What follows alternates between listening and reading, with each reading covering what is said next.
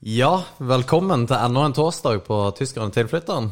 Dette er da eh, Alex og Martin som skal ta og prate med ulike interessante folk i Helgeland. Og i dag har vi vært så heldige og fått besøk av den selverklærte narkoliberalisten og anarkisten Øystein Meyer. Velkommen til gards, Øystein. Ja, jeg må nå bare si tusen takk. Ja, vær så god. Ta Trekk til mikrofonen litt grann til deg. Eller rett imot den, det er ingen rolle. Ja, ok. Så det Det er, helt innledningsvis, Øystein, så vil jeg jo si at um, det, det fins jo nok uh, å finne og researche på der. Det fins nok historier, og vi kommer nok inn på en haug av de også. Uh, men uh, du er jo veldig synlig. Um, men det har litt lyst til å komme i bunns med, med uh, intervjuet her, eller den praten vi har nå, her, fordi at du er en ganske du er en reflektert person. Og du har jo meninger om veldig mye, så jeg har litt lyst til å finne ut av hva som driver deg eh, i løpet av denne samtalen her. da. Ja, det var en hyggelig intro du kom med på meg. så ja, nei, jeg sier nå bare takk. Og Ja. håper vi kan utvikle en trivelig samvær her vi sitter. og Selvfølgelig. Fin, fin dag, og vi får eh, håpe vi er fine i sjela òg nå. vi, har, vi har aldri endt i krangel med noen av gjestene våre. så Nei, det har vi jo skal unngå det er her vi ikke. Det, det er ikke i det hele tatt. Ja. Det er, det er nei, som Alex sier, det er Uh, vi, vi gjør jo alltid uh, litt uh, research i, i forkant av episodene våre. Eh, og eh, når vi skulle researche Øystein, så var det litt sånn Hvor skal vi ta tak? For det er, du, du, du, du har vært mye i media eh, av forskjellige årsaker. Og uh, du er jo en, en kjent person uh, på Helgeland og ellers i Norge. Så ja, det blir en, en spennende episode som jeg tror blir å gå over flere forskjellige temaer. Og apropos det, jeg, jeg så jo et, et intervju av deg for mange år siden. Dette jeg tror jeg var i slutten av 90-tallet, hvor du sa at man måtte gjøre noe ut av seg pga. at ja, media har gjort det sånn at man er faktisk nødt til å provosere og gjøre noe ut av seg for å få stemmen sin hørt. Eh, Hva, hva legger du i det? Jo, det er akkurat det. Takk for du tar det opp, forresten. Det, det, det er just det jeg sier. Når du ikke har penger til å frambringe ditt budskap, så er du nødt til å balansere på grensen mellom å nesten klovn og, og, det, og den, den delen av pressa som ikke da forstår stuntet ditt du gjør, de, de fremstiller deg som klovn. Og ser ikke at det kanskje var en reflektert eh, tanke som lå i, i bunnen. Og akkurat i år så har vi til planer om å reise til, eh, på Eidsvoll og så grave ned Grunnloven. Ok. Ja, på 17. mai, men så kom den koronagreiene og, og det. For at så skulle vi jo ikle presteklær og så kiste kista bærende og grave ut på plenen. For det, det står jo i sentrum for 17. mai, den der eh, Mm. Og så har vi da sagt selvfølgelig av jord er du kommet, til jord skal du bli. Ikke sant? Og da har jo alltid kommet noen politifolk og påstått at det var hærverk på statens eiendom, ennå vi har spadd opp uh, plenen fint med å kunne legge den tilbake i fine uh, ruter. Så. Men uh, det ble ikke gjort denne gangen, men det er jo ikke for sent å gjøre det. Så jeg håper vi får noen, hvis noen hører på som, som sympatiserer med tanken, så kan vi reise en hel gjeng dit. Kan de hive seg med? Ja, absolutt. Hva, hva, men hva, er, hva ville symbolikken vært med å gjøre det? Det er jo at uh, vi har gitt ifra oss så mye makt til utenforstående institusjoner at vi kommer i konflikt med Grunnloven. Annet ACER, at de får lov å ha kontroll over krafta vår, EU. Og, og denne eh, økonomidirektivet som vi svarer ja til for noen år siden, hvor bankene skal dikteres av overordna beskjeder fra EU. Altså Her er bare noen få ting jeg remser opp. Da ville vi ha laga ei full liste som, som hadde visst eh, hva det var. Men det er en fin måte å få oppmerksomhet på, på det. Så det er ikke så dumt som det høres ut som. Nei da. Har, har, du, har du alltid vært politisk interessert? Altså gjennom eh, oppveksten og Nei, jeg, jeg har jo vært opptatt av rettferdighet. Jeg er jo vokst opp hos Min bestefar var tater og, og sånt. og Ikke at jeg har lidd under det, men jeg har jo sett at eh, det var jo kanskje i enkelte øyne en mindreverdig mm, posisjon å, å, å være i. Og nå er jeg jo aktiv i, på, på å støtte tatersaken. Vi har just vært i en rettssak i Oslo som dreier seg om å få tilbakeført 95 millioner til taterne. Og det er gjort med tanke på at jødene de fikk 500 millioner i erstatning hos den norske stat. Og, og det var den norske stat som ikke var den norske stat. Det var under okkupasjonen av tyskerne og den urett som ble begått mot dem. Uten at de har satt noen betingelse for at ikke de skulle skyte unger på, i Vestbredden eller i Palestina, så hadde de fått dem helt, eh, helt kurant. Men taterne var de to fratok mm. erstatning som de fikk i sin tid, på 75 millioner. Og mente at de ikke var i stand til å kunne betjene det sjøl. Og jeg mener at eh, det er et overgrep begått, og det bryter med internasjonale traktater vi har skrevet under på når det gjelder um, um, diskriminering og forskjellsbehandling av uh, minoriteter. For det tar du jo opp i enkelte intervjuer også, som jeg har sett, hvor du, hvor du sier at uh, så lenge nå, ikke ordrett, men du, du, sier jo noe i den retninga at så lenge det du gjør, ikke går utover noen andre enn deg sjøl, ja. Uh, du er veldig opptatt av nestekjærlighet. Uh, ja. Og, men hva, hva, er det du fordi du, du sier da at du, blir, du, har blitt politisk interessert fra at din far da var tater, og den uretten som du mener har blitt uh, begått. da. Um, og, og, det sitter ganske grunnstøtt i det. Men må du, du provosere så mye for å få de. Det, det, er Riktig. Det, det, er jo akkurat det som, som, går. Jeg har jo forsøkt å skrive avisinnlegg og sånt, og, og blitt nekta det i avisredaksjonen, og spesielt Randebladet. Mm. Har jo vært et sensurorgan de luxe. Hvorfor tror du de har gjort det? Nei, Det er for at de har følt at det har vært kanskje betente temaer jeg har berørt, og det har jeg jo eksempler på. Jeg eh, ble jo tidlig gjort oppmerksom Jeg har jo en del kompiser i Oslo. Annet var det en advokat som gjorde meg oppmerksom på at eh, det foregikk muligens korrupsjon oppe på Svalbard. Det var før at, at denne saka dukka opp med han Hermansen. Mm. Og, og, da var jo han um, Vi har jo en, en uh, moværing som da var sjef, eller han var styreformann i Store Norske Kullkompani. Og jeg ønska jo å sette søkelyset på han, for jeg mente jo han måtte ha sovet i timen når han Røde Robin kom oppover og bydde 300 millioner for Store Norske Kullkompani. Han burde jo ha alarmklokken ha gått og stilt spørsmål hvem er det som, som tilbyr deg 300 millioner for å kjøpe. Og det viser jo at det var jo Kjøde nede i Bergen. Jeg tar et forbehold om at jeg navngi rett mann, så ikke dere skulle bli tatt for å farme min jury. Så, så. Ja, akkurat dette punktet kan jeg veldig lite om. Uh, Nei, men det, jo, det, leder jo opp til den store skandalen hvor det viste seg at, at han, eh, han, fikk jo straff, han Røde Robin, pga. Det ble jo erklært som korrupsjon, mm. det som hadde foregått. Okay.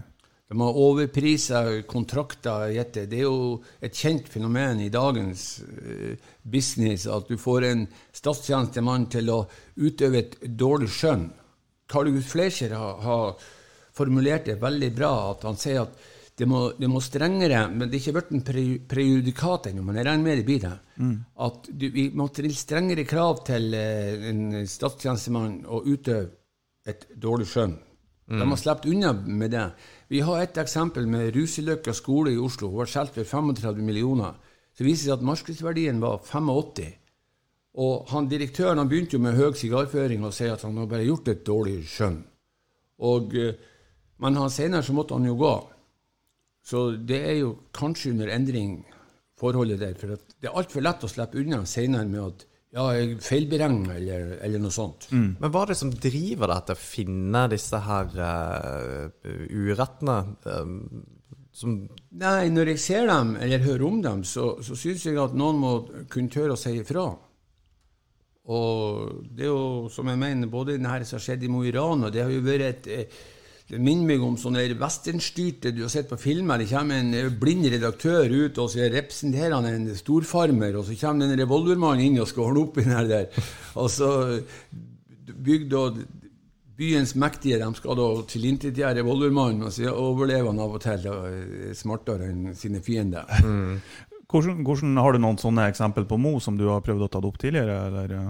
Ja, det har jeg hatt masse av. Mm. Eh, jeg kan fortelle en artig historie. Sånn, samarbeid med, med, Radio Rana, som i sin tid var, var styrt av, av, de røde. Mm. Så har vi på Hemnes var det sånn her unnskyld jeg bruker så sterkt ord som idioter, men iallfall ganske vettløst uh, skjenkebevilgningsreglement. Så gikk på det at hvis du var utenfra Hemnes kommune, så kunne du få kjøpe whisky, altså brennevin, i, i, i bardisken.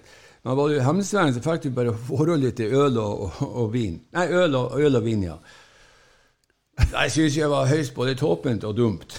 Så, så, jeg tok det opp i kommunestyret, så skrev jeg en interpellasjon som, som tok opp om at ikke kommunestyret skulle ta et initiativ og så få skjenkereglene i kommunen i tråd med den generelle rettsoppfatninga hos folk.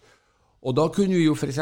ta kontakt med han Meringen, som var, som var med i Frimurlosjen i Mo i Rana, og få han på parti for at de drev jo ulovlig skjenking i losjen. Så ble jo Ranabladet intervjua han Meringen. På, dagen etterpå sto det var bare tull, det han representanten Meyer Johannessen sa. Men så heldigvis han, han Atle Hiller og, og dem, de et intervju med han Oversmarsk. Jeg, jeg, her kan jeg si, for det er dokumenterbart, så, mm. så det er ikke noe at jeg setter dere i forlegenhet. Nei, det gjør du ikke. Du får lov å si hva du vil. Ja, ja, nei, men jeg tenkte mer at da skal bli plaga av folk som blir sur. Ja, Det tar vi. Men så, så var intervjuet dem han.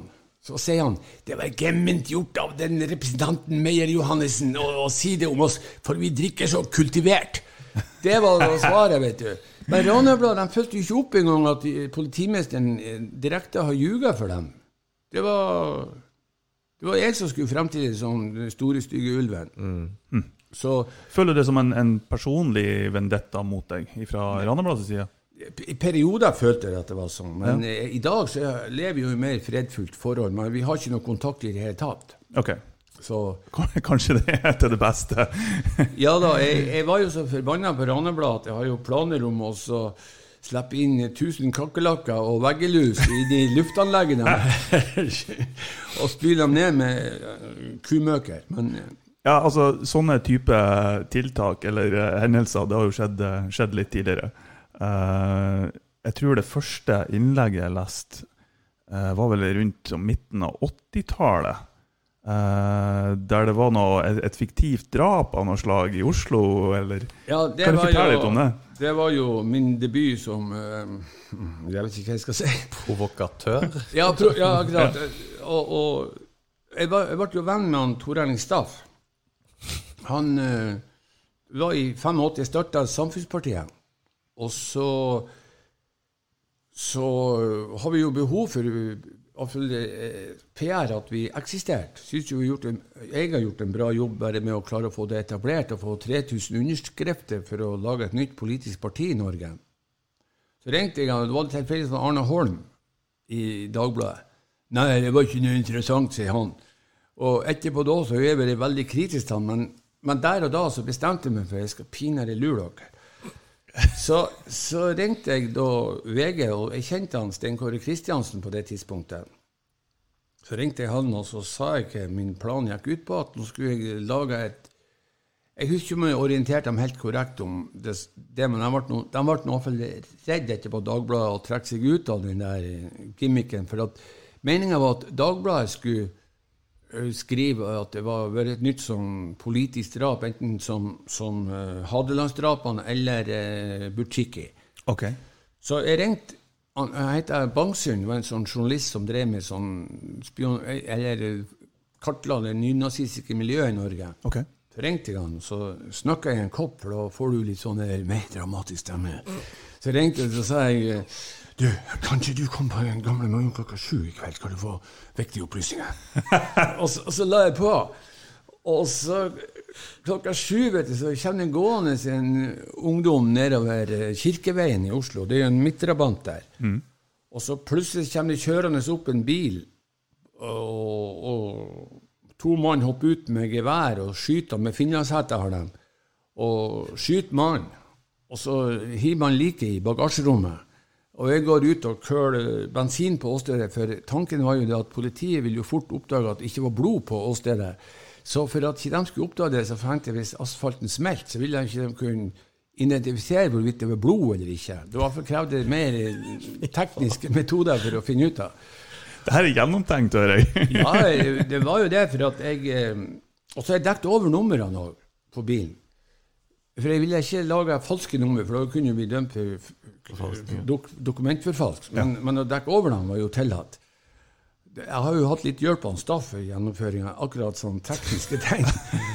og, og, og, og, men så har jeg brukt vanlig teip, så de, de har sett skygger. Det var noen folk som har sett det, så de har klart å rekonstruere nummeret. Okay. Politiet. Så de begynte jo å arrestere folk i hytt og pine. Det ble utkommandert en Jeg vet ikke, jeg har hørt, hørt opp til 200 politifolk som ble for Til å begynne med så trodde de det var nytt som Butsjiki, et politisk drap. Og han, eh, Dagbladsjournalisten han trodde jo med en gang jeg var et nynazistisk drap. For han har jo, husker jo den samtalen. 'Kom på den gamle mor klokka sju, så skal du få viktige opplysninger.' og, og men så var det VG som svikta, vet du. De ble jo redde, for de lyttet jo på politiradioen. De hørte jo det store oppstyret som ble. Så de reiste jo opp i, til politihuset og fortalte dem hva, hva det her var. Så neste dag så sto det med store overskrifter i Dagbladet drapsbløff og bilde av meg. og og ble jo etterlyst av politiet. og Det var jo i tre dager som førstesideoppslag i både Dagbladet og VG. Så til slutt så måtte vi bare dra melde meg, for de arresterte så mange folk, og deriblant partisekretæren. og Han var såpass dårlig nervene at han turte ikke varetekt. Så jeg tenkte kan jo ikke la han sitte der, for han er jo tross alt uskyldig. Ja. Og så, for, så for jeg og, og meldte meg, og, men politiet var jo ikke så greie at de slapp han ut, så han måtte sitte et døgn til. han. De var jo litt hemmeligere. Oi. Men, men var tanken at var det Dagbladet eller VG som de skulle være med på det her? Nei, ja, VG skulle jo kunne komme den virkelige versjonen. Ok. Ikke sant? Ja. Men så følte de seg for nært knytta opp til uh, den dokumentasjonen. At de kunne komme i et dårlig lys. Mm. Så de forlot jo en del av avtalen, at de skulle holde kjeften, og så skulle de bare skrive historier som at de har fått klarhet i hva det var. Så, så, så det store bråstoppen for uh, gikk dukka opp på politiradioen før avisen gikk i trykk hos Dagbladet. Så de rakk å redigere sin egen avisutgave og, og sånt. Okay. Jeg sa jo det vært store overskrifter eh, ja. Men av disse stuntene dine, er det noen av de du som stikker seg ut, som du syns har vært eh, spesielt uh, heftige? Det å planlegge sitt eget drap, eller et drap ja, ja, det er klart, akkurat den der med, med drapet var jo, var jo stort eller uh, kraftig kost. Ja. Og i dag hadde det jo vært helt forferdelig, for det var jo før han, han, han, Politiet skulle jo ha et par hundre tusen i erstatning. Så sta Staff at Meyer eier ikke nåla i veggen, men uh, da skulle jo ta det som en realistisk øvelse før eller senere så kunne dukke opp ordentlig sånne. Og det har han jo rett i i 1985. På 90-tallet så var det jo skjedd mye sånne ja, lignende situasjoner. Mm. Alvorlig. Hva, hva, var målet med akkurat det stuntet? For du hadde egentlig ikke tenkt å identifisere at det var du som sto bak det? forstår jeg? Eh, ja, jeg, jeg, ville jo få fram at det var Samfunnspartiet. Ja, et nystørta parti som ingen har hørt om. Mm. Og, og, sånt. Og Jeg ble jo putta i varetekt, og eneste plassen jeg fikk honnør, det var jo i fengsel. For det var jo mange av de fengselsfuglene som har hørt om det, og de syntes jo det der var litt kult. Men det var ikke de jeg skulle klare å få. Det var ikke dem du skulle imponere? Nei, ikke i utgangspunktet, men jeg, jeg var nå glad nok at det var noen som forsto litt av det. Sånn. ja, uh, Men du er jo òg uh, sjølerklært uh, anarkist. Ja, det, det, vil jeg jo si at jeg er jo anarkist på et måte, samme som men nå er jo anarkist et sånn udefinert begrep. Det, det, er egentlig litt det. For når jeg tenker anarkist, så ja. tenker jeg Uh, ingenting statlig, alt skal være fritt. Uh, ja. alle, for, alle, for, en sjøl, holdt på å si. Ja. Uh, men det, du er jo det er jo ikke det du ønsker virke som, for du er jo politisk engasjert, og du ja. er jo en del av det. Og jeg ønsker at staten skal eie mer, mm. i realiteten. Og ha kontroll over all pengemakt. Vi må aldri komme til et punkt hvor man er kommet så langt at pengemakt kan true en regjering med å si at hvis ikke dere gjør som vi er, så trekker vi oss ut av landet deres, og så sitter dere tilbake med 5000 arbeidsplasser mindre, f.eks. Mm.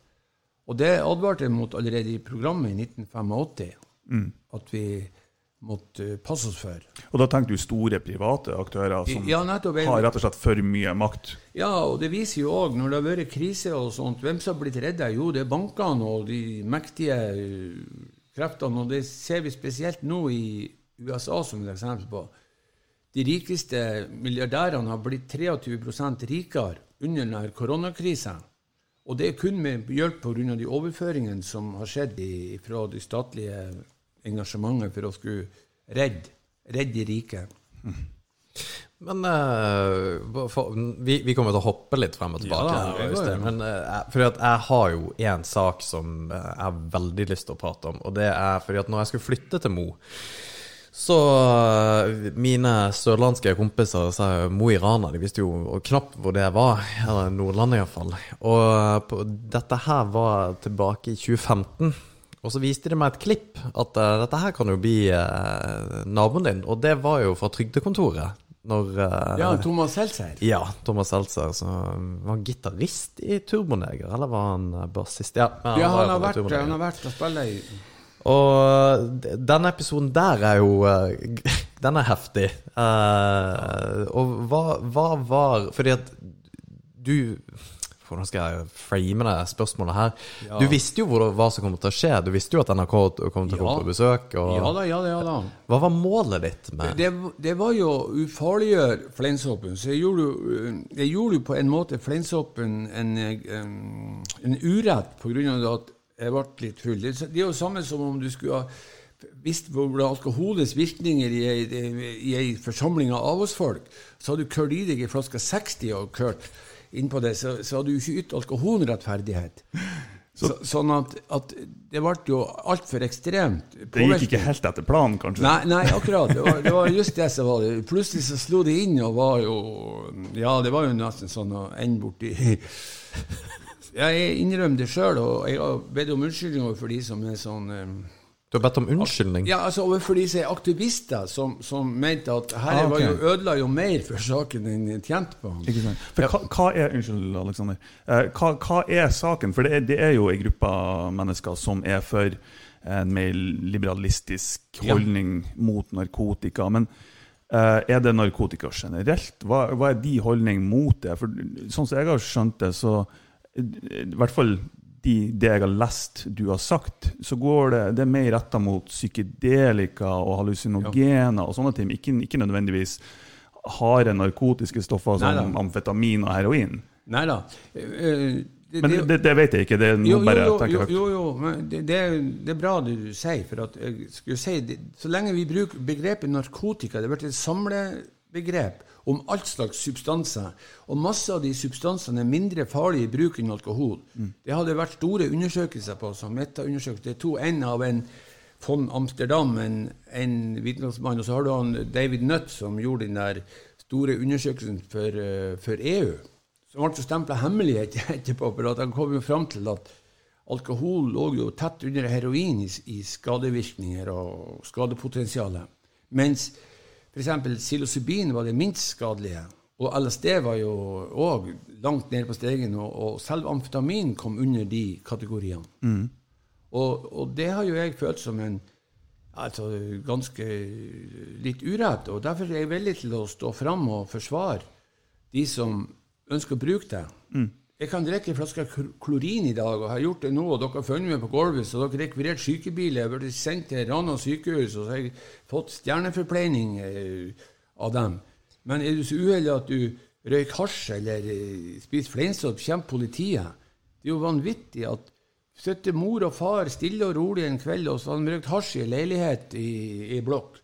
Så det er gått noen snusfornuftige folk forbi der, og så har de sagt nok hasj. Og så har de ringt politiet, og så kommer politiet og sprenger døra, og så har de barnevernet på slep, og så kommer de inn og arresterer dem midt på natta. Dette er jo hekseprosesser på nytt. Og, og, jeg trodde jo du sa at du nå hadde drukket en flaske klorin. Jeg ble litt stressa. Tenkte å, helvete, hvor provoserende skal vi bli her? Jo, fordi at det, denne du, du ble jo eh, Du var jo Det er en utrolig underholdende eh, episode, må jeg jo bare si. Men eh, det var kanskje ikke det som var meningen. Men hva var meningen? Ja, ja Meninga var jo for det første å ufarliggjøre bruke noen så vanlige folk kunne se det. De blir jo både snille og hyggelige og ikke på noen måte Men jeg ble jo mer eller mindre åndssvak, så, så, så, så, det var jo litt utilsikta. skjønner, skjønner. Uh, det er jo Hvis man ser rundt om i verden, i USA f.eks., ja. der de siste egentlig kanskje mye de siste fem årene. Eh, når det gjelder cannabis, så, så, har jo det blitt legalisert i de, jeg tror det er de aller fleste statene. På et eller annet vis. I hvert fall det, avkriminalisert. Det er flertall i USA for å legalisere, men så har du den der eh, interna internasjonale det, De overordna som styrer over statene. De har ikke ennå fått eh, Ja, det er de føderale myndighetene. Føderale myndigheter var akkurat det. Så, så jeg, jeg, jeg gleder meg jo. Jeg ser jo, jeg får jo rett en dag det vil jo bli Og da kommer jo fleinsoppen òg til å bli legalisert. Jeg syns jo det latterlige står ute på Nortura og plukker fleinsopp. Det kommer tre polititjenestemann og beslaglegger soppen, så jeg skulle tro det var regaliene til kongen jeg har stjålet. Mm. Så var det jo bare ja, en viss mengde fleinsopp. Ikke sant. Ja. For, for, eh, det som jeg tenker om det Nå vet jo ikke jeg om Alex har samme tankene, selvfølgelig. det er jo at Eh, når, det, når, det, er både legalisert og avkriminalisert i så stor grad i USA, eh, så har man jo en ganske stor eh, mengde folk man kan, når man kan vurdere skadevirkningen av det her. Akkurat. Eh, og, og, det er jo i stor grad akseptert i USA nå at folk bruker det eh, rekreasjonelt. Mm -hmm. mens i Norge så er det jo fortsatt ganske tabubelagt tema, vil jeg påstå. Ja. hva tror du er forskjellen, hva, eller hva er årsaken til at vi har så forskjellig synspunkt på akkurat det samme substansen, egentlig? Jeg tror det har med vår eh, vi skal kalle protestantiske tilhørighet Det blir som han, han, han, Weber han skrev i den der boka om uh, den, uh, den protestantiske, protestantiske moral og kapitalismen. Altså, de må tett veve inn i hverandre. Mm. Og akkurat den der med at når, når den War on drugs Det var jo Amerika som starta det, Nixon. Og da ble det jo over natta så ble det jo ting eh, definert som narkotika uten at man har undersøkt uh, sannhetsgehalten i hvorvidt at det var skadelig eller ikke. Mm. Det ble bare et pennestrøk, og plutselig så var Johs Andenes der og forsvarte 21 års fengsel for narkotikaforbrytelser uten at det var realitetsprøver. Og, og det er der jeg mener at hele denne prosessen han har vært både usunn og, og, sannsynligvis veldig dum. Eller han kan bli sett på det som i ettertid, skulle jeg tro, mange av de folkene som har Vi må ikke glemme bort at vi i vår tid fikk dømt via datidens jurister. De dømte Anne Pedersdotter til bål i 1591 i, på, på, på, i Bergen. Og Det var de vitner som kunne stå fram og si at de har sett at hun har ridd til Lyderhorn og, og, og Ulriken. Å komme hjem om morgenen og være avbala og sett ut som hun har hatt både sex med uh, hvermannsen og på, altså, Underforstått djevelens eh, disipler. Mm. Og det, hun ble dømt til døden. Det, det, er jo en plass det må svikte i, i, logikken, og det tror jeg det gjør her òg. Mm. Jeg, jeg, tenker jo um, for, Av en eller annen grunn så Nå skal ikke jeg snakke for mye om meg sjøl, men uh, jeg har, når jeg først blir interessert i ting. Det er sånne rare ting som jeg kan bli interessert i, og så setter jeg meg veldig dypt inn i det. Og en eller annen grunn så, så har narkotikapolitikken, og, og, egentlig litt dypere enn det, eh, vært en sånn greie.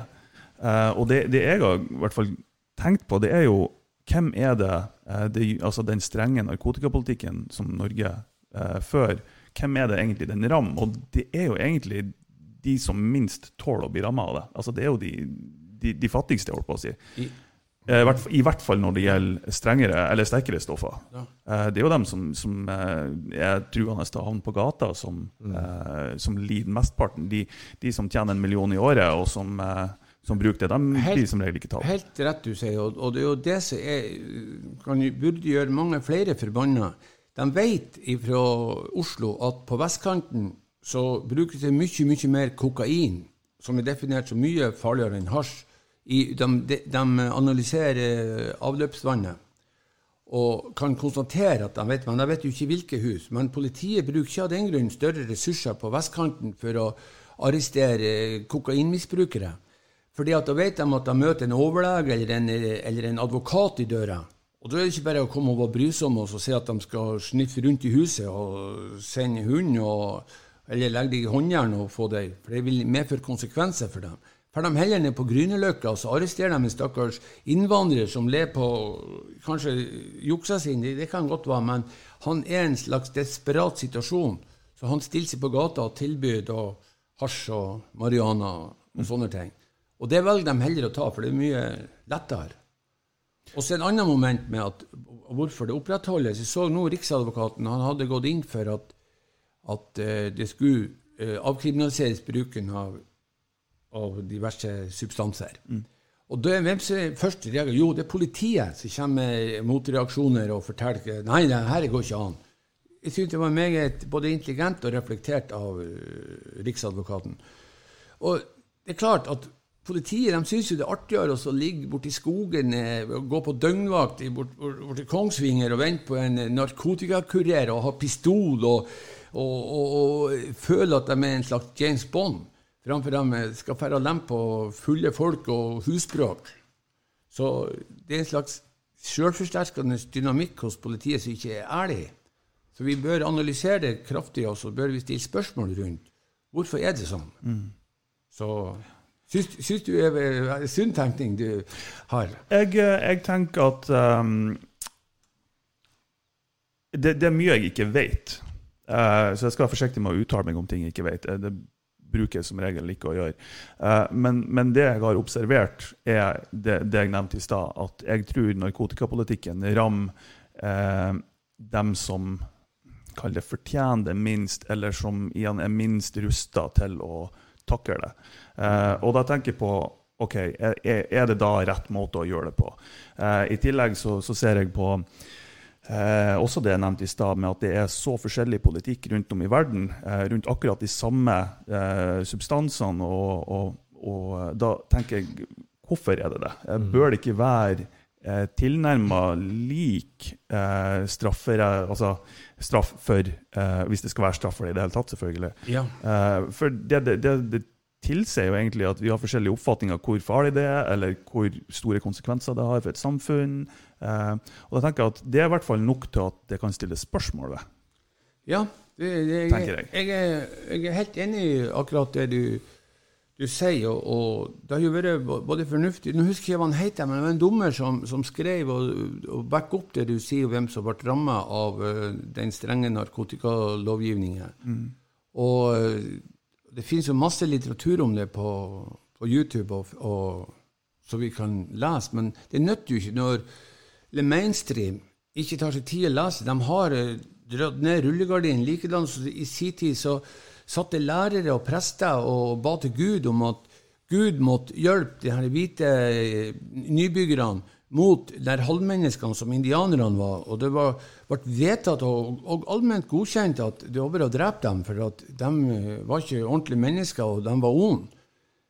Mens, mens, vi i dag blir stilt sånne retoriske spørsmål hva vil du gjøre hvis Russland kommer og truer Norge? Og rett svar må jo være at ja, jeg vil forsvare landet mitt. Men det hadde de ikke godtatt og dratt konsekvensene av når det gjaldt indianere. Mm. Men apropos det, Øystein. Er det, stemmer det at du var marinejeger? Ja, jeg gikk marinejeger når jeg var ung, ung mann. Steike. For Så, det er jo ikke Nei, det var jo en ganske sånn krevende sak for en og, men det var jo òg utfordrende og veldig artig. Det ble jo, det ble jo godt uh, respektert av, av jamaldringer og sånt. Ja. Men da var ikke marinejegerne så kjent som, som, i dag, når de har ly opp i Afghanistan og skutt med sånn nattkikkert Og, mm. Og, og, det, så de har nok en mer spennende tjeneste, de som er utdannet i dag. Okay. Hva, men hva innebærte det å være marinejeger på den tida? Nei, Det var jo en ganske steinhard opptaksprøve og, og sånt. Og ja, du måtte jo, I grunnen så var det jo bare at du var sterk til armheving og, og god å sprenge. det har de satt pris på. Jeg er ingen av det. Nei. Så, men det, det, det, har jo hjulpet meg mange ganger seinere. Etter hvert så utvikla jeg meg jo til å bli litt kvinnfolkgæren. Og, sånt. Og, og, det var jo mange jeg var ute på byen, og så kunne jeg jo prate med damer, og så oppdaga jeg at plutselig typen er jo dypt sjalu. Uten at jeg har hatt det som hensikt å skulle gjøre han sjalu. Men feilvurdert situasjon.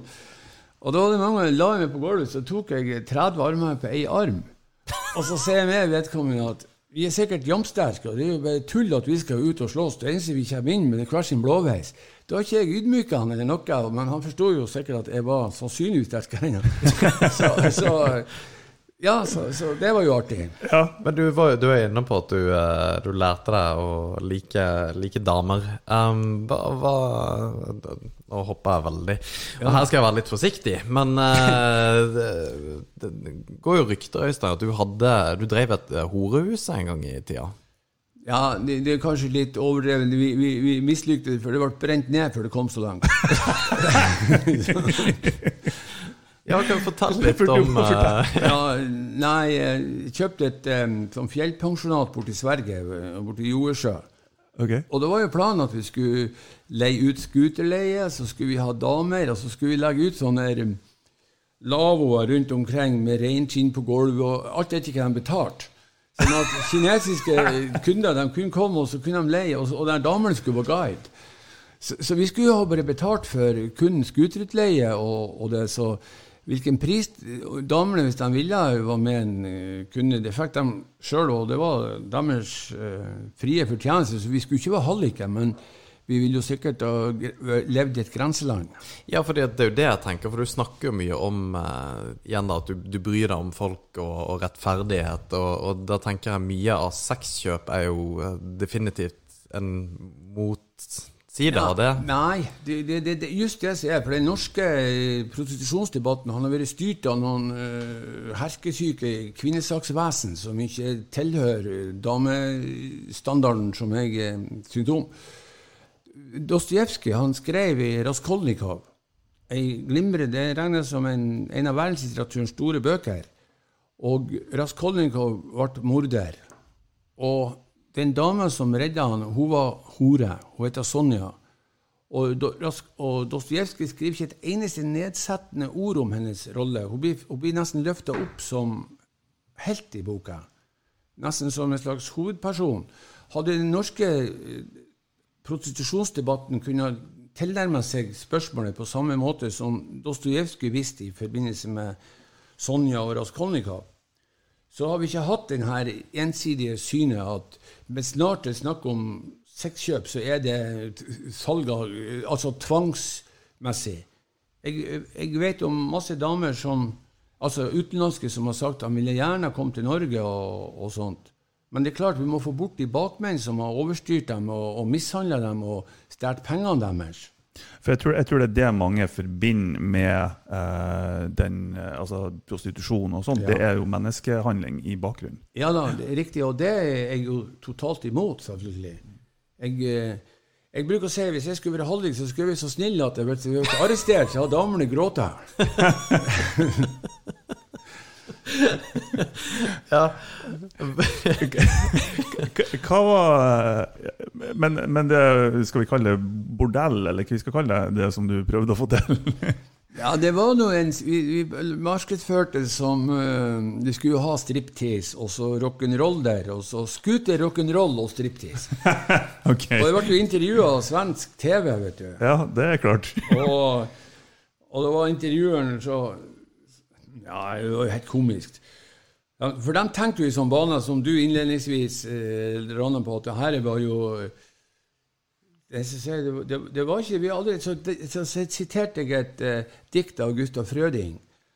Jeg kjøpte min kjærleik for penger. For meg var det annet å få. Sjung vakkert i skorrende strenger, sjung vakkert om kjærleiken da. og, og det brukte han reporteren med. Ja, det er jo tegn på at du er Så sier jeg aldri hørt at Gustav Frødings dikt har vært snakk om noe prostitusjon i, i, sammenheng. Nei, det er for så vidt sant. Den var jo helt eh, Ja, forstår. Men hva Unnskyld. Jeg tar mikrofonen litt nærmere. Ja, sånn, ok. uh, men, men var, det, var det her et PR-stunt, som der du ønska å få oppmerksomhet, eller var det legitimt at du faktisk ønska å starte opp? Det var jo at du skulle tjene så mye penger at du har råd å betale ned eh, huset vi har kjøpt. Ok. så, så, det, var egentlig finansieringstiltak? ja, altså en ordentlig rock'n'roll-bar, som det sannsynligvis ryktes om i, i, i nabobygden i Norge. Det er jo artig. Tenk deg sjøl, ikke sant? Hvis det visste om at rett over grensen var en plass hvor det var relativt liberale folk drev det, og fine damer satt der hele kvelden. Ja. Du, du, klart, du, du er heller ført dit enn å dra på ei tørr ølkro og sette deg. Afterski har fått et nytt. Ja, det kan man trygt si. Ja. Men for å hoppe på det Vi, ene vi, vi, er, vi er nødt til å hoppe, for det, det er så mye å, Ja, det, å snakke om. det er mye å pakke ut der, Øystein. Men det, det En ting var at eh, det her eh, Det var en sånn minidokumentar om det, om samfunnsbøller. Ja. eh, På VG. Og eh, jeg beit meg merke i én ting du sa. Du sa at av og til når du står opp og at ting kan være vanskelig, eller at du ikke har det så bra, så, så på en måte stirrer du deg sjøl i, i speilet, og så sier du et eller annet. For det virker Hva er det som I og med at du Du gjør jo veldig mye for å provosere. Det virker jo som at det ikke er veldig mye som biter på det heller. Du har jo eh, Du går på en måte i konflikter med, med mange, da. Establishmentet Establishment fortrinnsvis. ja, ja. Um, hva hva er det som gjør at du da av og til uh, har det hardt? Nei, det, det har jo vært litt konfliktbelagt, for jeg har, har jo, har jo hatt Eller jeg har hatt, jeg har jo fortsatt fire unger, men nå er de jo voksne og store. Og, og akkurat at jeg kunne tilføre dem mer eh, ubehag ved at jeg var en sånn gærning som, som mange vil omtale meg som, så kunne de bli mobba. Ikke sant? Så jeg sa ganske tidlig med dem at um, hvis noen hele tatt nevner meg, så må dere si at vi vet ikke alt hva han pappa gjør, men mot oss har han vært snill, og vi er glad i han for den del. Hva han driver med politikk og sånt, eh, det har ikke vi noe kunnskap om. Men heldigvis har de ikke vært vært mobba. Jeg har jo faktisk to, to eh, svarte gutter som, som er tvillinger, og, okay. og mine gode venner. Ja, ja. Og ja, det er mine døtre òg, selvfølgelig, men de er jo litt eldre. ja. Men ser du på deg sjøl som gæren? Nei, i grunnen ikke. Jeg er kanskje litt gærnere enn gjennomsnittet, men ikke mer enn at uh, samfunnet bør tolerere det. Ja, ja, for det er jo én ting om hva samfunnet bør tolerere, men dine egne, egne på en måte standarder seg. Ja, Nei, eh, nei, nei. Da, da- da- hvis vi går inn på at hvorvidt jeg har schizofrene trekk eh, Nei, nei, nei, nei overhodet ikke. Nei, nei, gæren, altså. Jeg, jeg eh, godtar jo at jeg er litt annerledes enn mange andre. Ja. Og at jeg ja, jeg bryr meg ikke om de samme verdiene som kanskje mange. For mange folk er jo livredde for at det skulle bli sagt et eneste negativt ord om. Om dem. For, du, ja, altså, for alle de stuntsene du gjør, det er ikke sånn at du gjør de, og så tenker du ja, nei, det kan hvem som helst gjøre. Du, du, eller skjønner du at dine stunts kan eh, er litt eksentriske Ja. eller out there? Jeg kan jo nevne eksempel. Jeg har jo sittet i kommunestyret i Hemnes og, og gjort det bra før jeg begynte å, pr å predikere narkotika. Og da mister jeg jo alle de voksenstemmene, sånn at, at eh, mine sjanser for å komme inn i kommunestyret ble jo sterkt redusert. Men jeg har ikke, jeg har ikke skjenglet til det et øyeblikk. Jeg har godtatt og vært meg sjøl og, og predikert det jeg har sagt, uten tanke på at jeg dermed skulle være litt rundere i praten. Og, så, så jeg mener jo det jeg, jeg står for. Det gjør jeg. Uten Ja.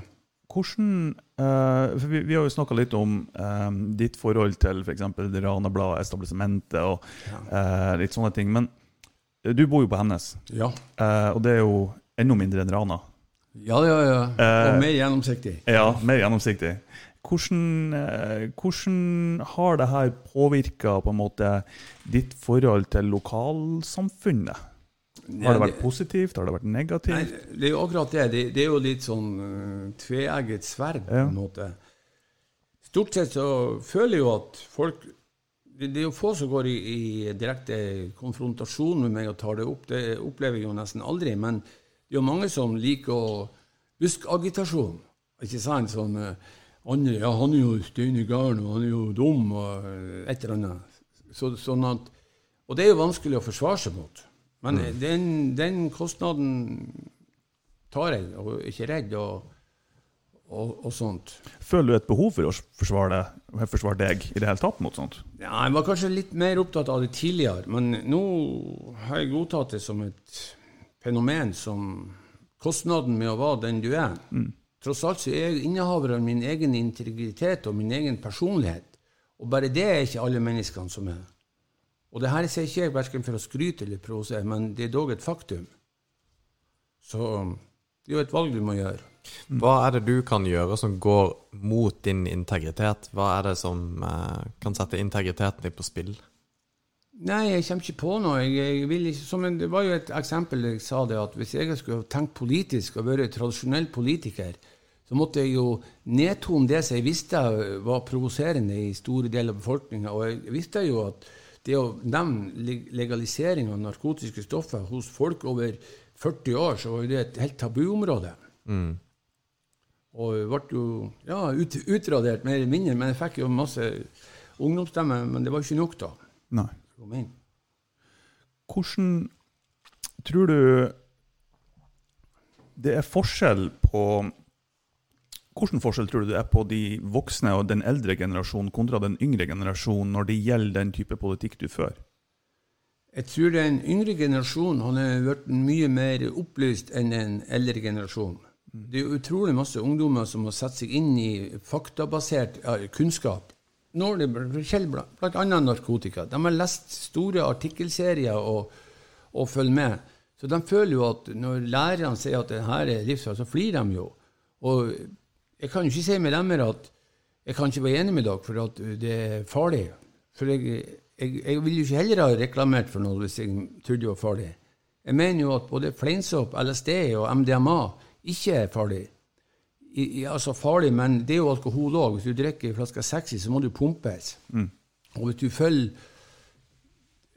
følger uh, bruksanvisninger og, og, kunnskap som er tilgjengelig, så må du jo ikke ta doser som, som er helseskadelige. Mm. Så derfor føler jeg ikke at jeg Jeg har anbefalt mine egne unger å bruke heller fleinsopp og MDMA enn å begynne å pimpe alkohol. Så Hvorfor det? Jo, for jeg mener at det er mindre farlig. Og det som jeg sier i den der undersøkelsen som jeg refererte til, både ja. han, han, han, eh, David Nutt og han van Amsterdam Det er store, kjempestore undersøkelser som er gjort, som dokumenterer det. Seg, og, og, jeg har jo ikke noen grunn for å dra i tvil de opplysningene som Ikke jeg har lest noe, noe, kritikk av dem som har vært saklig, som har, har, gjort at jeg skulle ha noen grunn for å mm. Og aldri hadde vært klassifisert som junk-forskning. De, eh, de, tingene som du nevner, f.eks. psilocybin, som er, det er jo primært en sopp, men du får det vel via trøfler òg, tror jeg. Ja. ja. Um, I tillegg til cannabis. Det er jo ting som har vært lovlig i eh, Amsterdam eh, i lang, lang tid. Ja. Og, og, jeg tenker jo òg da, da man, Jeg har prøvd å finne uh, tall på Eh, med tanke på skadelighet og konsekvens, og, altså samfunnskonsekvens, yeah. mental helse, yeah. sånne type ting. For det er jo ofte de argumentene eh, enkelte bruker når det er snakk om eh, de farlige bivirkningene av sånne type stoffer. Eh, og må gjerne korrigere meg hvis jeg tar feil, men jeg, jeg har ikke funnet noe som antyder at f.eks. Amsterdam og Nederland har en høyere frekvens av eh, mentale lidelser eller den type sykdom man kan assosiere med bruk av psykedelika eller hallusinogene stoffer? Nei, nettopp. Du, du, har ikke noe som heter f.eks.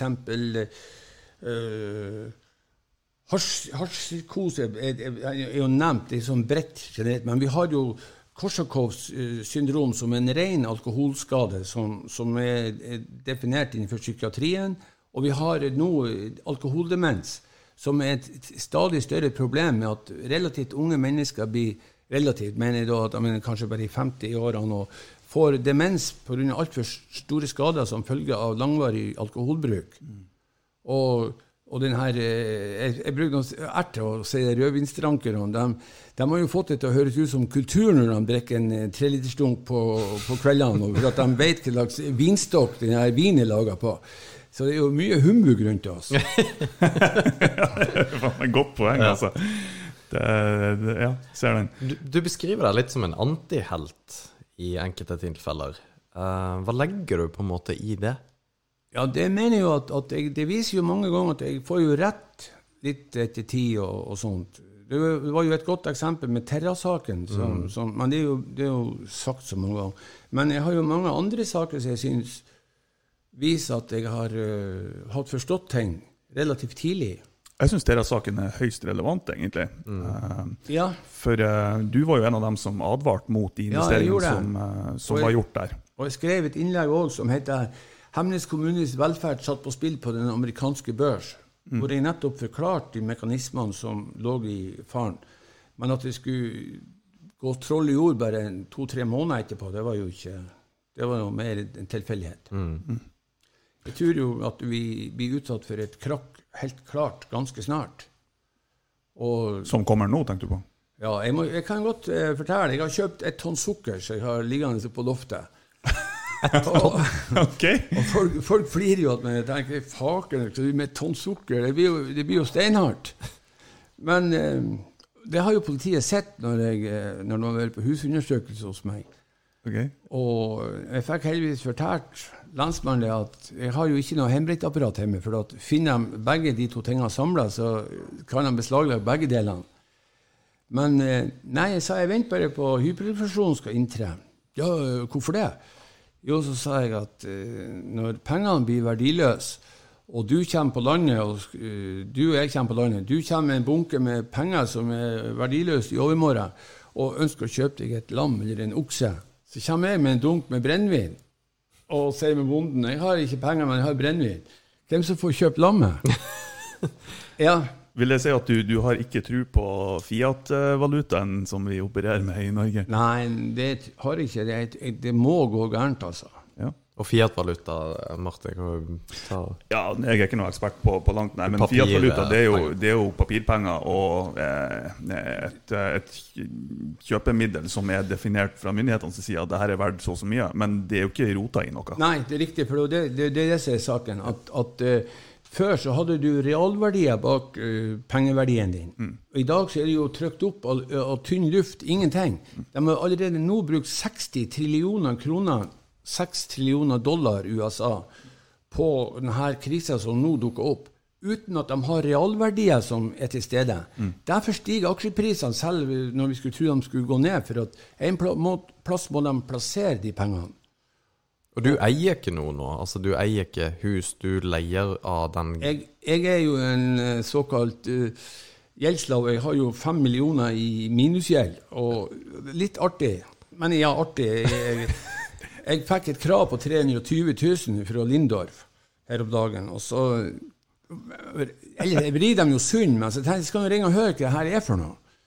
Ja, så traff jeg jo en sånn her kryptisk person. Ja, det var et, et gammelt krav. Så sa jeg, kravet, hva er det for noe? Nei, til slutt så klarte jeg å dra ut av meg at, at det var et krav som var oppstått for 40 år siden, og som opprinnelig var på 26 000. Ja, så sier det, det, er jo ikke den opprinnelige kreditor som gjør krav. Nei, det var det ikke. Så kom det jo fram at de har jo kjøpt krav en gang i tida, kanskje for 4000. Og nå var det plutselig blitt 320 000. Så sa jeg, syns du ikke det er litt rart at her kan du sitte og forfølge meg, og jeg blir forfulgt til jeg, jeg er død, om det er noen restverdier etter meg, så tar dere dem òg. At hvis jeg nå for 40 år siden hadde gått og drept eh, mor og far og naboene og, i romord og tatt alle verdiene deres, og det aldri har blitt oppklart, så kunne jeg ha styrt på Dagsrevyen i dag og sagt at det var jeg som gjorde det for 40 år siden, uten at jeg har blitt straffet. Fordi at vi har foreldelsesregler når det gjelder alvorlige forbrytelser. Mens når det gjelder gjelds, altså kreditorforfølgelse, så har vi et av verdens beste systemer. Vi stiller hele statsapparatet til disposisjon for sånn lugubre spekulanter. Jon Fredriksen han eier f.eks. et av denne inkassobyråene. Og de eh, skal da beskytte hans interesser, i stedet for å ha sagt at ok, gjeld seg over 20 år, den blir sletta, og så har mennesket fått en ny sjanse. Så vi må jo le på grensen mellom rett og urett. Ut ifra, og det er jo en farlig grense å bevege seg på. Eh, snakker vi da Jon Fredriksen, altså skipsrederen? Ja, han Ah, ja. eier er det, Hva heter han det? Det begynner på A. Et sånn inkassobyrå. Stort. Ok, eh, jeg vet ikke. Eller, det, som jeg sier, det skjer så store fusjoneringer og sammenslåinger av selskap at det som var sannhet for to år siden, det behøver ikke være det i dag. Ikke sant? Jeg tror jo det var Nå, nå kan jeg veldig litt om den finanskrisa som skjedde for i, i 2008. Eh, men var ikke det òg noe involvert i forbindelse med noe oppkjøp av gjeld til Jo, det var bankene Jo. som kjøpte opp eh, Det var de subprime-lånene som oppsto. Ja. Det er kanskje ikke det samme, jeg bare Nei, begynte å tenke på det. Nå, nå, nå skjer jo det samme med at, at de på børsen i USA så kjøper de såkalte junk-obligasjoner. og, og, og det, er altså, det selskap som, som er garantert å gå konkurs. De har jo plutselig fått en høy Hertz, f.eks. Det ligger jo inne i, i en konkursforhandling borte i USA. Midt under denne koronakrisen så steg jo aksjene uten at det er noe realverdi eller grunn for at det, skal, at det har blitt noe bedre betingelsene for dem. Så at noe skjer, det skal um, to- torde vedde på. Blir spennende å se framover. Ja, det blir det. Men hva, har du noen planer, bortsett fra dette med Eidsvoll, å grave ned eh, Grunnloven fremover, da? Som du tør å Ja, jeg har nå Ikke avslør deg sjøl nå. Ikke noe Nei, ikke Må blir stoppa før det blir gjort her. Ikke bli arrestert på gata.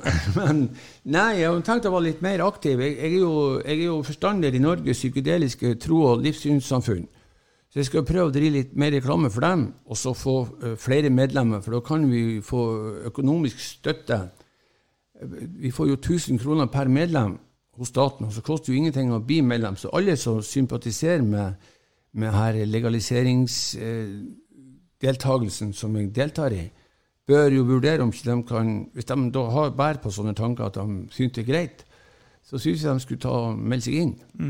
Så Er det det du driver eh, på med nå for tida? Nei, jeg har, jeg har jo ikke drevet så aktivt, men det vil jeg komme til å gjøre nå framover. Så ja, det vil jo være en, et, et overordna mål. Og det, det er klart, har du plutselig en million så du kan drive og valgte valgt og skjalt med, så kan du jo kjøpe eh, velfriserte bilder av deg sjøl i både Dagbladet og VG. Det er jo sånn eh, Høyre og Arbeiderpartiet gjør. Støre fremstår som en reddende engel og ja.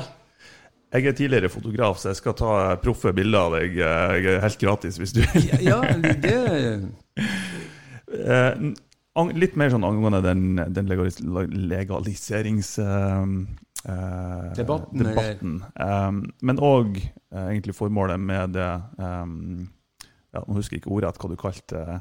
Narkoliberalist. Eh, Nei, jeg tenker på det, det partiet ditt, Ja, eller det- den ja. organisasjonen. Ja, det var Norges psykedeliske tro- og livssynssamfunn. Yes. Eh, Er det, er det på en måte full legalisering uten noen begrensninger, eller stiller dere noe Er det noe gråsone? Er det noe dere er for, noe dere er imot? Hva, hvordan er politikken tro- og der? livssynssamfunnet vi arbeider jo for å få Men, men personlig så støtter jeg full legalisering. Men, men eh, tro- og livssynssamfunnet vi gjør som indianerne eh, borte i USA. De har fått lov å bruke, eh, bruke um, meskalin som, som substans i sin utførelse av, av sitt og For jeg tror jo det at hvis folk brukte fleinsopp, MDMA eller noe sånt, så vil de få et bedre innsyn i at man skal være snill mot hverandre. Og, og det er jo et ønsket tenkning at vi lever i en verden hvor vi er snille og gode og hyggelige.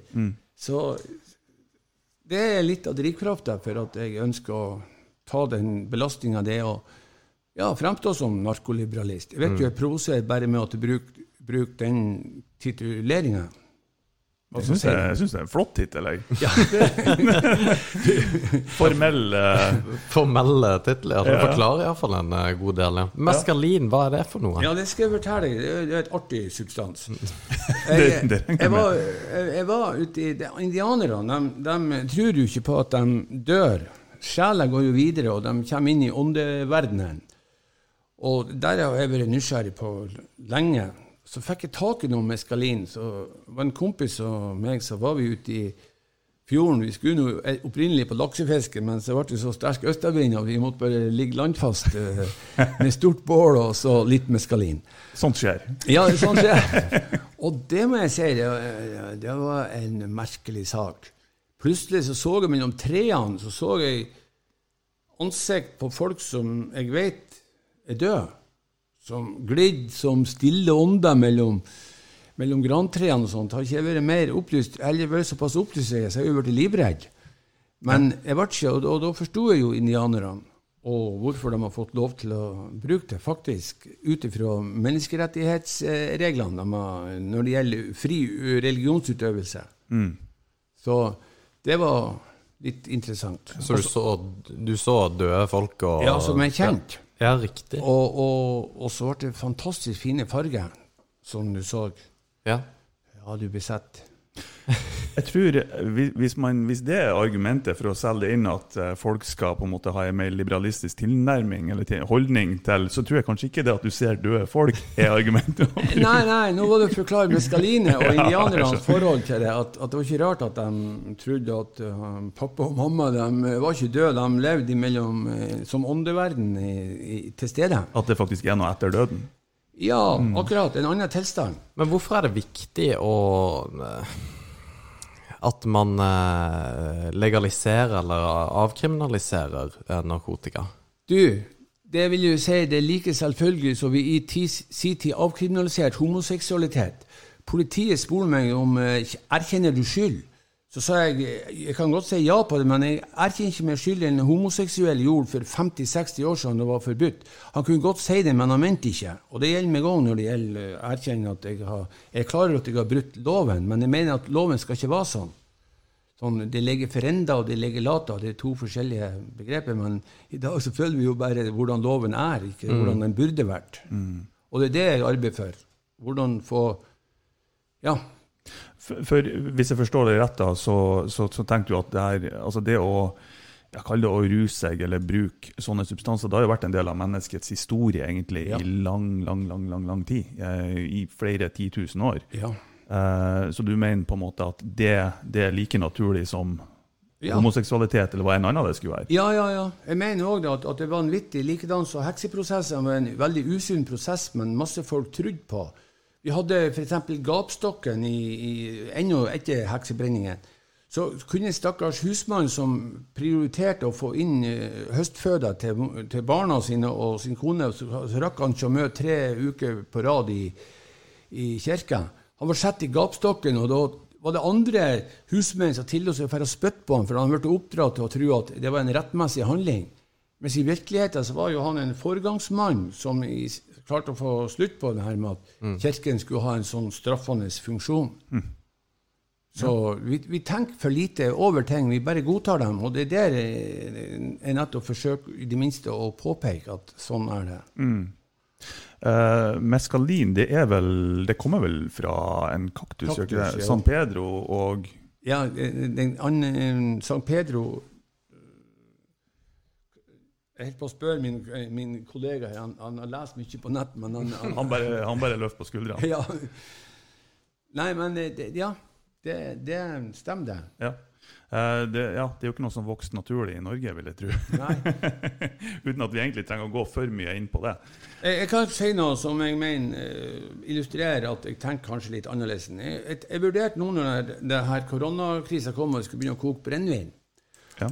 Og da tenkte jeg, og grunnen til jeg, jeg gjorde det, det var det at jeg så en sånn liten flaske med Antibac.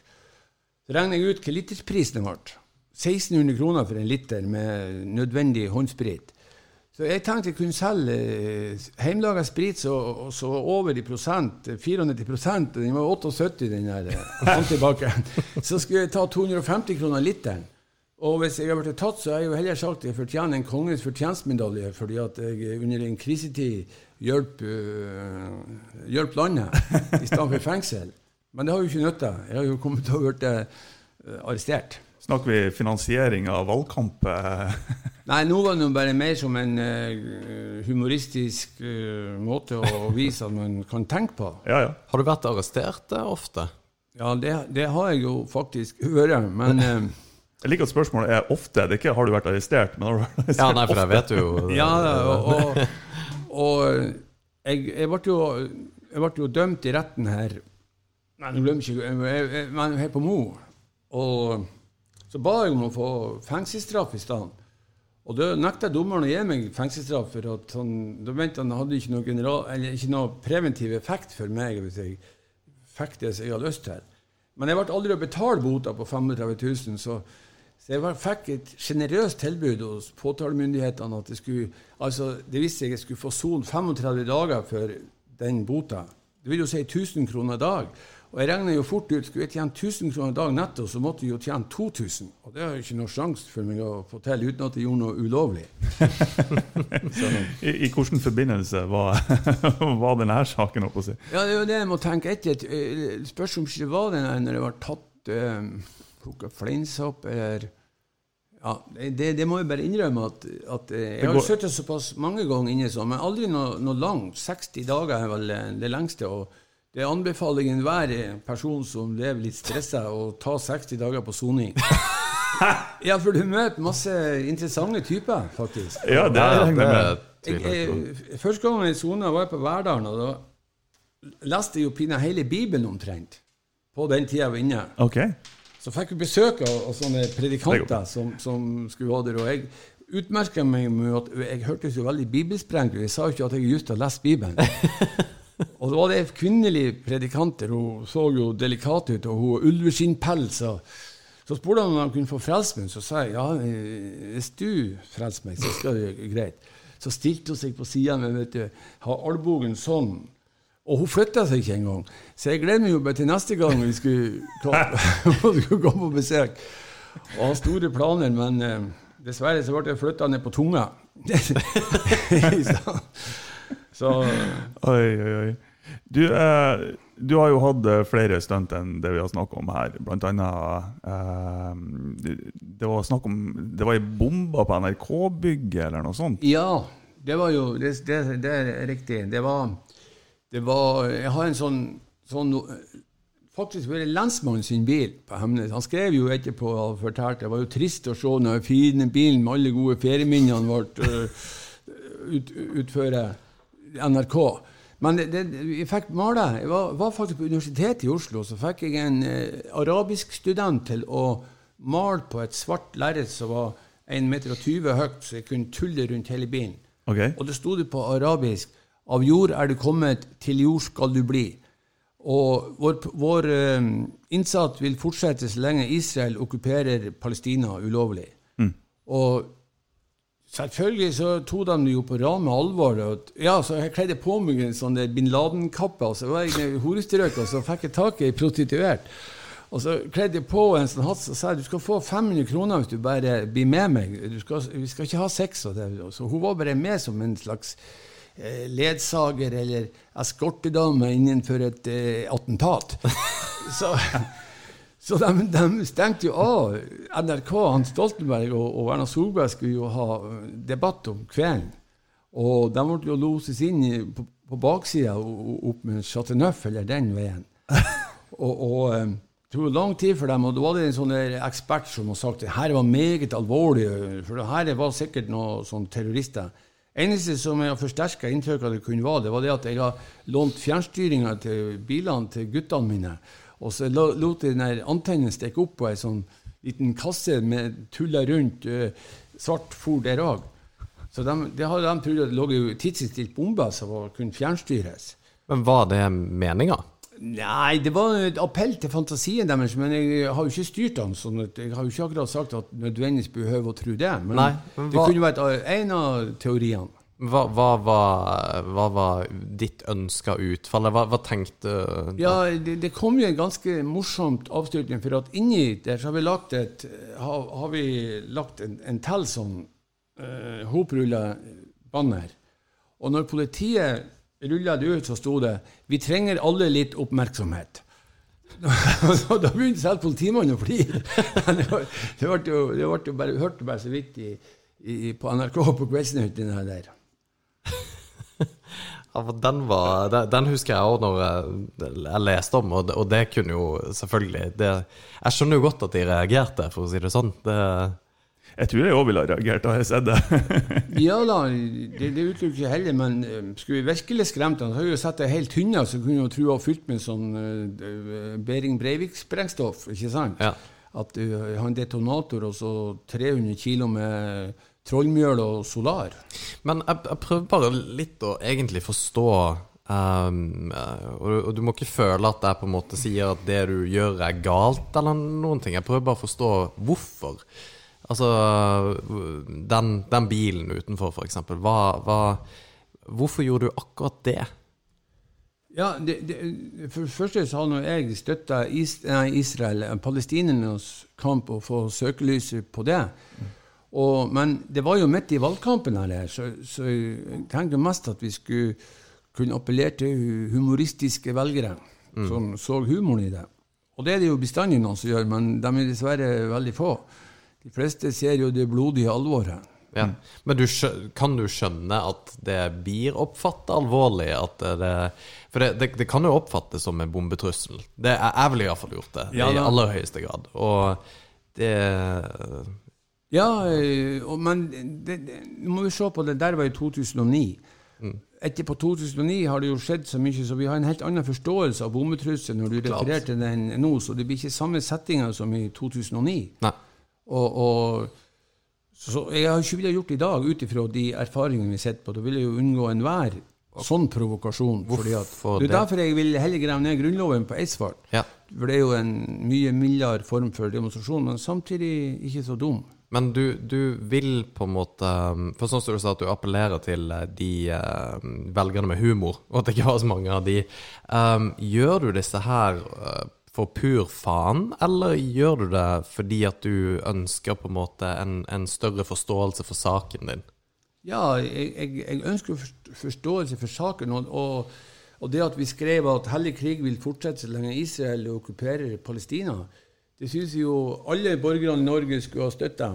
Det er jo vanvittig sånn som har skjedd, at Israel skyter i ubevæpna folkemengder på, på Vestbredden, og Trump sier at ja, vi støtter dere, Israel, vi skal flytte ambassaden eller, til Jerusalem.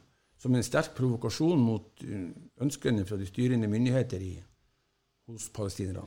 Ja, fordi at det, det er jo nok veldig mange enig i. Um, Iallfall undertegnede i hvert fall det. Um, men vil det ikke være bedre måter å, å fremme den saken enn å provosere? Ja, gi meg et godt eksempel Ja. og forslag, så skal vi høre. Nei, jeg, jeg, jeg har jo ikke det, men det er jo altså Det, det kan jo f.eks. dette Det med å da Sakene dine med å skape forståelse rundt sakene dine og ufarliggjøre mye av eh, Eller kanskje endre debatten er vel egentlig det du er ute etter, både når det gjelder sexkjøp og, og, og narkotika. Ja. jeg, jeg bare tenker at hvis det er uh, målet Nå glemmer du bort at jeg konkurrerer jo med rike grupperinger, sånn som Høyre og Arbeiderpartiet, som gjerne kjøper sikkert et falskt billedfremstilling av seg sjøl. For de har nok penger til at de kan gå til VG og Dagbladet og si må dere få dette bildet, og du ser jo en fotograf, og de får både sminkører og alt til og, så de ser både glup og, og, og human ut. Så det er tilbake til det du sa i tidlig 90-tallet, med dette er at for å synes for sakene når du ikke har penger, så må du på en måte lage Balansere ser på grensen mellom klovn og, og ha et budskap. Og, og, heldigvis er det jo noen som har sett det, og det har jo ført til at jeg har fått et større eh, mulighet til å kunne uttrykke seg. Ja, for den balansen er jo veldig hårfin.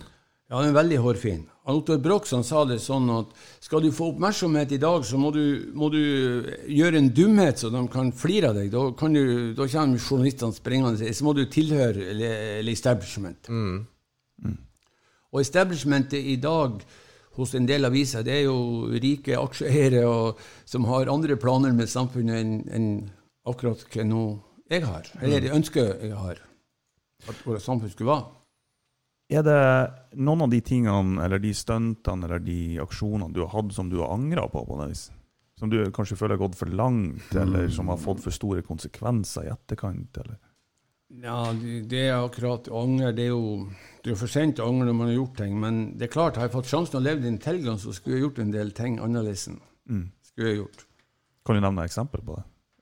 Ja, jeg skulle jo ha vært snillere med de damene jeg har vært sammen med. Og kanskje gitt fakelen i å være en promiskuøs herremann. Ja. Hva tenker du på da?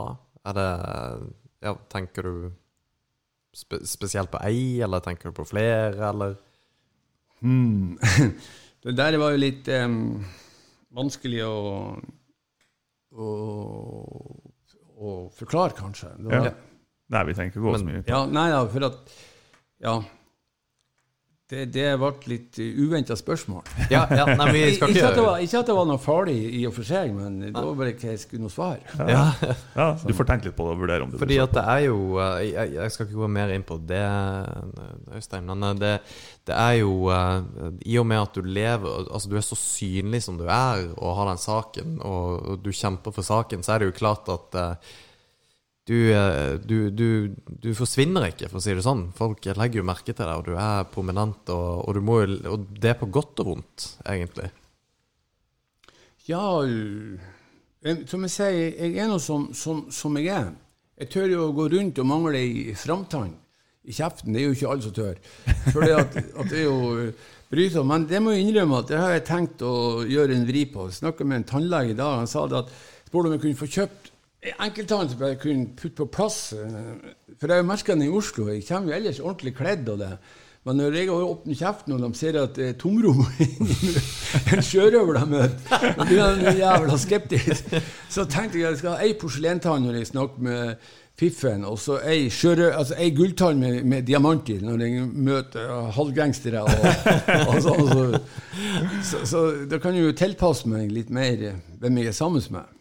Ja, det, eller jeg, jeg håper jo at du er det sjøl uansett.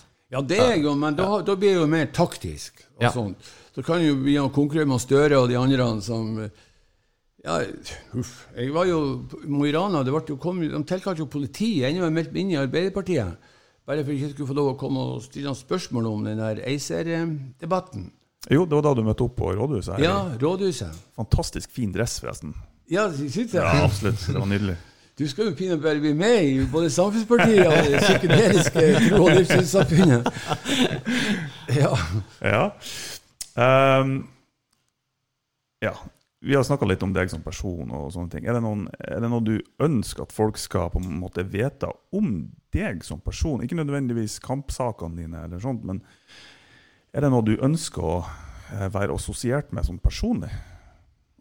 Nei, nå, Verdi, enten verdier eller eh, Ja, verdier. Jeg vil jo at folk skal forstå at jeg eh, har jo en humanistisk grunnholdning i det jeg eh, gjør.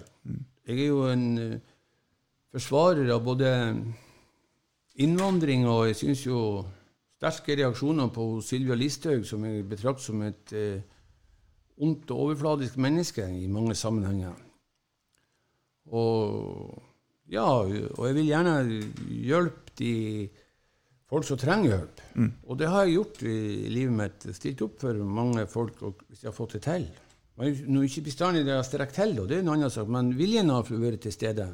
Og det er jo halve veien i å, å gå. Og det, det syns jeg er beundringsverdig, for, for er det noe jeg har fått igjen ut ifra det du har fortalt oss i dag, så mønsteret er jo på en måte kampen for eh, Jeg har ikke noe norsk ord for det, men engelsk the underdog. altså eh, ja, kamper for dem som ikke er så store, og dem som er, la oss si, om det er undertrykt eller en minoritet, eller hva enn det skulle være. Så det virker som om det, det har vært et mønster gjennom eh, lang, lang tid for deg. Ja, det hadde jo vært, og, og, og Staffan likte meg jo nettopp for det. Og det har han jo sagt i, i uttrykk, at han sier at samfunnet trenger sånne som meg. Men selvfølgelig ikke bare dem. og det, det blir jo ikke jeg fornærmet for at han sier, men og han viste jo gjennom handling at han likte meg og var vennlig. Jeg husker han møtte en gang i retten og påtok seg skyld som han ikke var sann, men for å få Det var i forbindelse med den der drapet Nei, ikke drapet, men um, på, på Majorstua på Marienlyst. Og Da sa jo dommeren at dette var den artigste rettssaken han har vært i. For det var det jo trivelig og godt humør. Og, og, men han måtte jo hjem i 30 dager, sa han. og, eh, og ga meg faktisk reisegodtgjørelse til fire kroner kilometeren fra Hemnes og tilbake til eh, Hemnes. ja. Så- Jeg tror det er mer enn vi har per i dag, faktisk. Ja, det tror jeg også, faktisk. Nei, men Fantastisk, Øystein. Jeg, jeg syns jo vi, vi har droppa innom mye. Um, og jeg, jeg føler vi kunne ha prata mye lenger også. Um, men som sagt, det, det er ikke noe du vil avslutte med, eller noe du vil eh, En appell, eller? Ja øh, Appell i farsken, skulle man si. Da er noe kalkulerende gjort, altså. Så Nei, jeg syns jo Jeg syns jo sjøl at dere var noe hyggelige som lot meg nå prate på mine premisser, og ikke fremstilte dem annerledes. Og, og det har jo vært hyggelig om alle journalister har gjort det, for det mener jeg at de ikke har gjort. Uten at det skal være sentimental eller noe sånt. Det er ikke det jeg mener. var. Nei, men det, det setter vi pris på, men det skal jo sies at det er jo vi som eh, føler oss eh, over å ha deg her. Eh, det må vi si. Eh, vi hadde jo vi hadde en sånn liten spørreundersøkelse på eh, Facebook eh, om det var noen som hadde noen forslag til gjester. Vi har jo hatt en del gjester. Ja. Eh, og du var jo definitivt den som skåra høyest på, på de tilbakemeldingene som kom da. Eh, u, ja, uten sammenligning, tror jeg vi kan si. Ja, men eh, Så, jeg syns synes det var litt oppløftende. ja, absolutt. Så, så det, det er absolutt folk som eh, er interessert i å, å høre hva du har å si. Det, det tør jeg påstå. Jeg kunne jo ha fortalt en del hyggeligere historier her i kveld, men nå ble det nå debatten sånn, eller samtalen sånn som den ble. Ja, men herregud Det, Det er alltids mye- mulighet til å komme tilbake. Ja, det tenker Ja, jeg. Og, ikke sant? Og, og, og vitser kan jo alle fortelle. Så. ja. ja, nettopp. Tusen takk for at du kom, Øystein. Ja, jeg, jeg takker nå dere òg, for Ja. jeg må jo si at jeg føler jo Jeg har sett, fulgt med øynene deres. Dere har jo åpne blikk og ikke noe sånn skjulte agendaer. Nei, det, Det tror jeg ingen skal anklages for. Vi er faktisk ikke helt ferdig. Jeg har faktisk en liten gave til deg. Eh, kanskje du kan hente en bok av deg borte?